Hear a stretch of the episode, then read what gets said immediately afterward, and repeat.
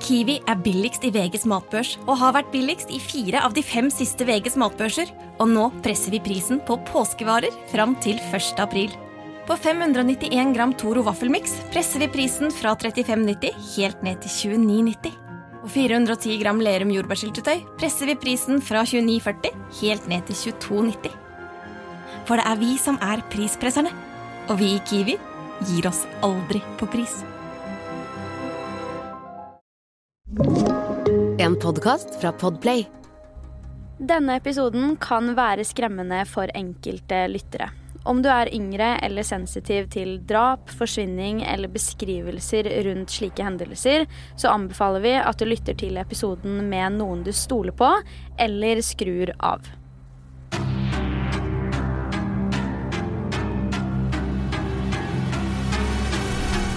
Hei og velkommen til en helt ny episode av Forsvinningsfredag podkast.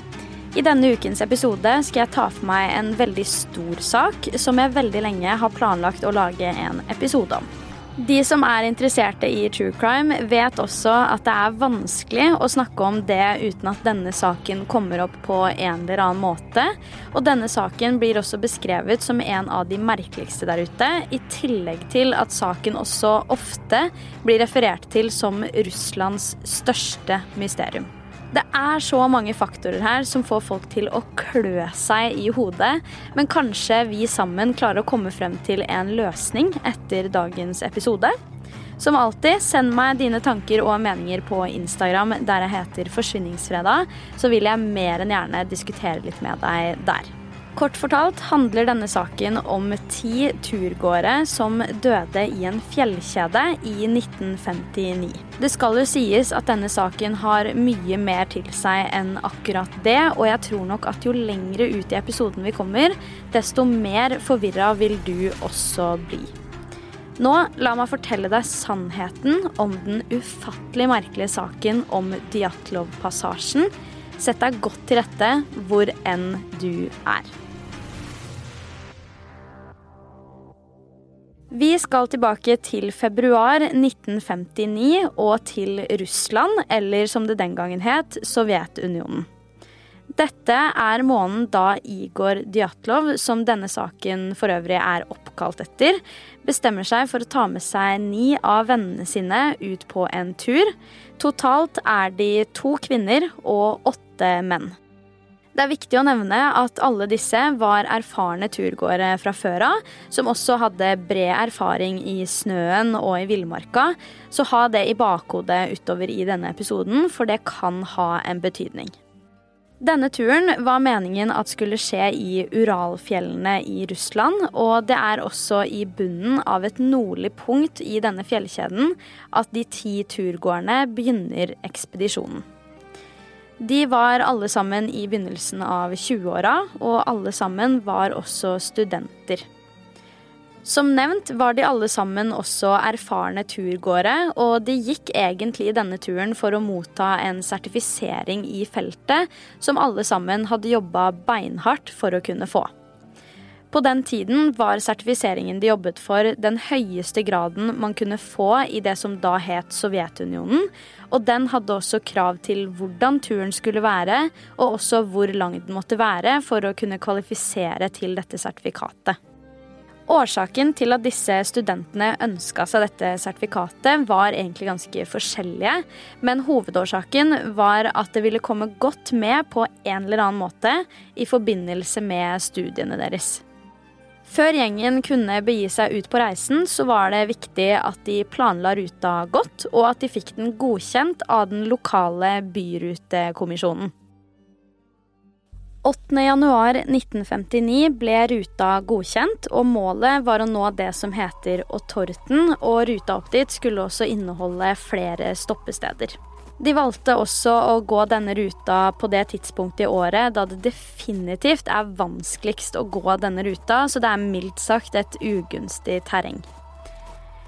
På vei til endemålet måtte gjengen naturligvis ha et par ulike stoppesteder og slå opp telt. Man kan jo bare se for seg hvor sliten man blir av å gå en sånn tur i ugunstig terreng i mange, mange timer. Det er på et av disse stoppestedene hvor de valgte å slå opp telt, at saken egentlig begynner.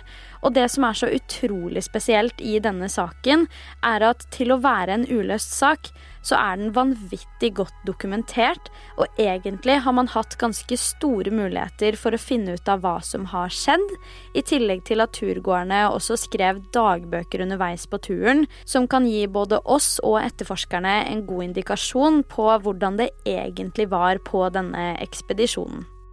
Møtte de på noen de var skeptiske til? Var det intriger innad i gruppa? Dette kommer jeg snart tilbake til, men aller først vil jeg forklare deg akkurat hvor denne saken egentlig begynner. Den 26. februar 1959 blir ni av de totalt ti turgåerne funnet døde i sitt eget teltområde av et redningsteam. I tiden som ledet opp til at det i det hele tatt ble kobla på et redningsteam, så hadde nemlig turgåernes familier stadig begynt å bekymre seg mer og mer, da de ikke hadde hørt noen ting fra noen av dem på over en uke. Det skal jo sies at på den tiden var det naturligvis ikke samme tilgang på kommunikasjon som det er i dag, men de hadde tatt kontakt på andre måter gjennom hele reisen, så når det plutselig blir helt stille fra dem alle sammen, så er det jo naturlig at de blir bekymra og ønsker å finne ut av hva det er som skjer. Da redningsmannskapet omsider når teltområdet Djatlov-gjengen hadde satt opp, blir de sjokkerte over funnet. Jeg nevnte jo at de ble funnet døde, men åstedet er noe av det merkeligere, og det er også det som i bunn og grunn er det ulike mennesker diskuterer i denne saken. To av turgåerne blir funnet langs trelinja rundt en engelsk mil fra teltområdet.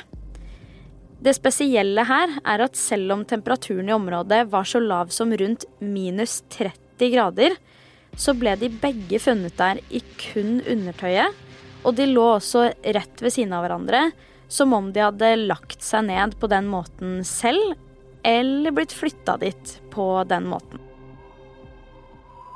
De tre neste personene ble funnet et sted mellom trelinja og selve teltområdet. Den ene av disse hadde en ganske stor skade til hodeskallen, men til tross for dette ble disse fem dødsfallene avskrevet som dødsfall som følge av hypotermi. Akkurat det gir jo absolutt mening, sett i perspektiv at de to første ofrene ble funnet iført kun undertøy, da det er en veldig kjent sak at mennesker som utsettes for hypotermi, gjerne kler av seg når de er på nippet til å fryse i hjel, ettersom at det kjennes ut som at huden brenner. Dette er jo absolutt ikke et ukjent fenomen, så sannsynligheten for at dette har forekommet, er nok ikke så veldig liten som enkelte kanskje vil ha det til. De siste fire personene ble faktisk ikke funnet før så mye som to måneder senere, og det er funnet av disse som har fått enda flere til å stille seg kritisk til denne saken. En av personene hadde samme skade til hodeskallen som et tidligere offer. Et annet hadde fått ribbeina sine knust, mens et annet igjen hadde både knust ribbeina og mista tunga si. Det kan selvfølgelig være flere naturlige årsaker til disse tingene, men det høres jo uansett helt vanvittig brutalt ut. Utover tunga så var det ingen tegn til utvendig skade på kroppene til noen av de avdøde, ifølge etterforskerne. Noe som i sin tid gjorde at en politibetjent kom i fare for å si at disse skadene ser umenneskelige ut. Noe som også er veldig spesielt med akkurat funnet av disse fire personene to måneder etter forrige funn, er at de faktisk også hadde på seg klærne til de to personene som ble funnet i kun undertøyet ved trelinja. Ikke nok med det, men da klærne ble testa, fant de også ut at klærne var radioaktive. Hvorfor i all verden skulle klæra vært radioaktive? I tillegg til disse var det også spor av radioaktivitet i hele området der gjengen hadde satt opp telt. Hva er det som skjedde her, egentlig? Apropos telt, vi er nødt til å snakke om en liten detalj som jeg syns er veldig fascinerende i den saken her, og som jeg personlig ikke klarer å finne et godt svar på. Etterforskerne på denne saken fant nemlig teltet til turgåerne da de gikk gjennom området, og de sier at dette teltet hadde blitt revet opp, men det fra innsiden av. Personlig så skjønner jeg jo ikke helt hvordan de kan si at dette teltet er blitt revet opp fra innsiden. I mitt hode så er det jo sånn at det på en måte enten er revet opp eller ikke, og da vanskelig å si hvilken side det er gjort fra, med mindre man selv har observert det. Men om du sitter med noen tanker og meninger rundt akkurat det her, eller rett og slett sitter på kunnskapen, så har jeg veldig lyst til å høre det. Send det gjerne inn til meg på Instagram, der jeg heter Forsvinningsfredag. Så kan vi igjen diskutere litt der. En ting jeg syns er enda mer fascinerende med denne saken, er det faktum at ingen av turgåerne ble funnet med skoa sine på. Enten gikk de i kun sokker, eller så gikk de barbeint.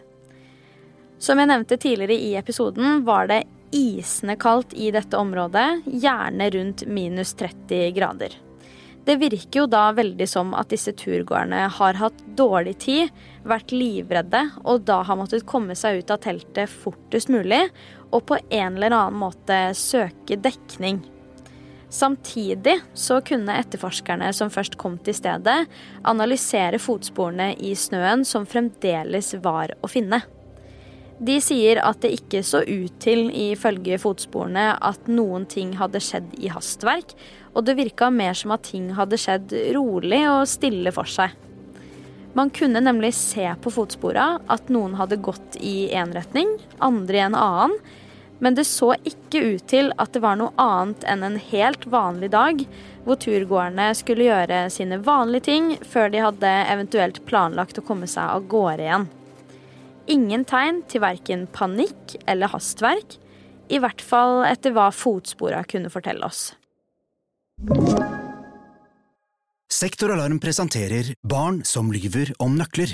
Men mamma, jeg var jo bare ute med Emma, ikke sant? og så la jeg nøklene mine sammen med den brødskiva på den stubben, ikke sant? og så kommer det en rev, og den bare spiser både brødskiva og nøklene, og så sprang den bare sånn kjempefort rett bortover. Jeg klarer ikke å løpe etter, jeg kan ikke løpe etter en rev, liksom. Kan ikke det.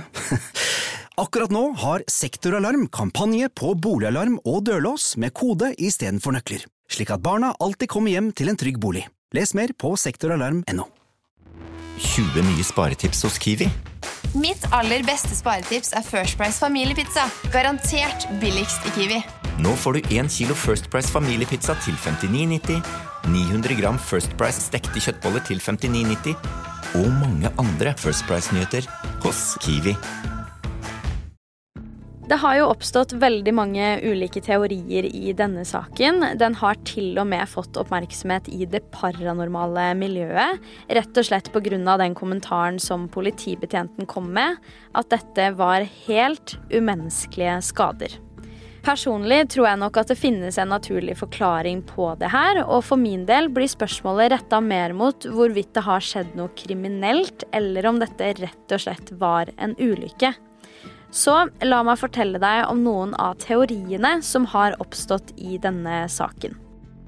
På snakk om dette med om det er kriminelt eller ikke, så er det viktig å nevne at en av personene som var med på turen, faktisk snudde på et tidspunkt, visstnok av helsemessige årsaker. Det sies at han har et bra alibi, da han også ble skrevet om i dagbøkene, men det er likevel flere som ikke klarer å slå fra seg tanken om at han kanskje hadde en involvering i dette, ettersom at han er den eneste som overlevde. Jeg tenker jo personlig at det høres ganske rart ut at en mann i 20-åra skal kunne overmanne de resterende ni personene, og da potensielt gjøre det på en måte som ikke er synlig utvendig på lika. I mitt hode så høres det nesten mer absurd ut. En annen teori er at det kom et snøskred som etter hvert tok livet av dem alle sammen. Det kunne jo forklare hypotermien, men samtidig fant ikke politiet noen tegn til snøskred i det hele tatt.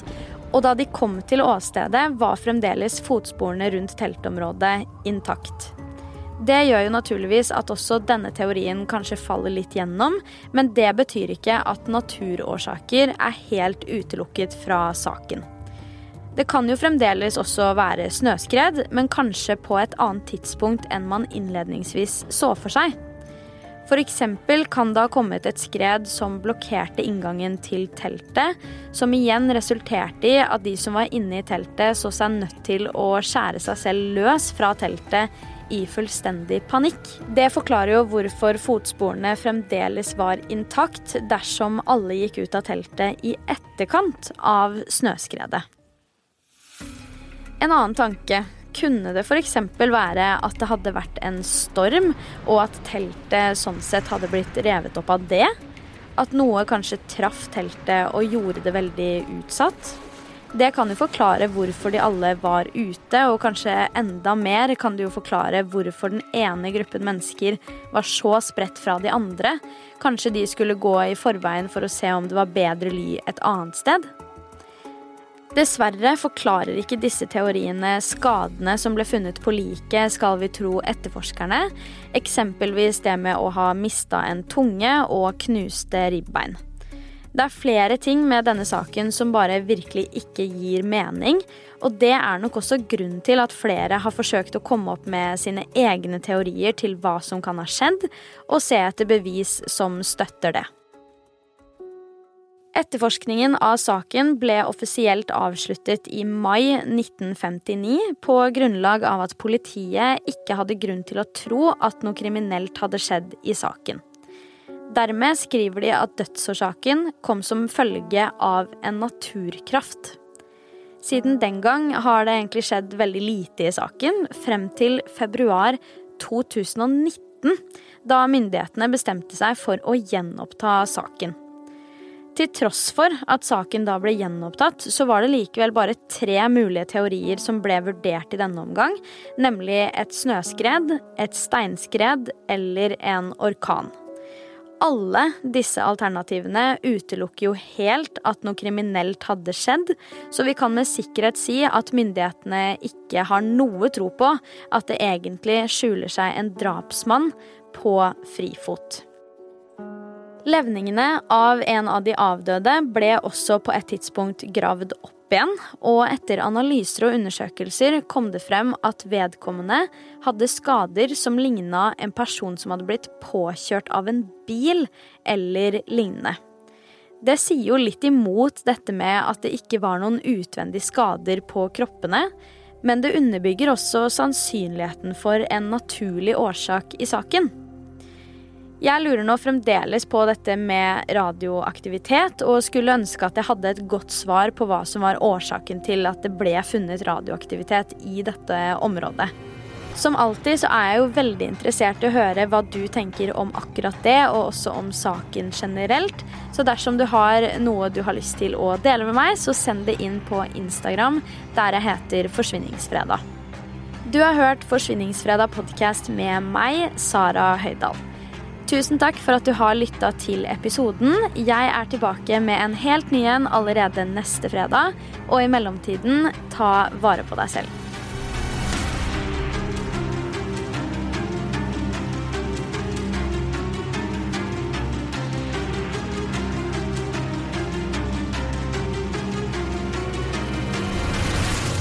Du har hørt en podkast fra Podplay. En enklere måte å høre podkast på. Last ned appen Podplay eller se podplay.no.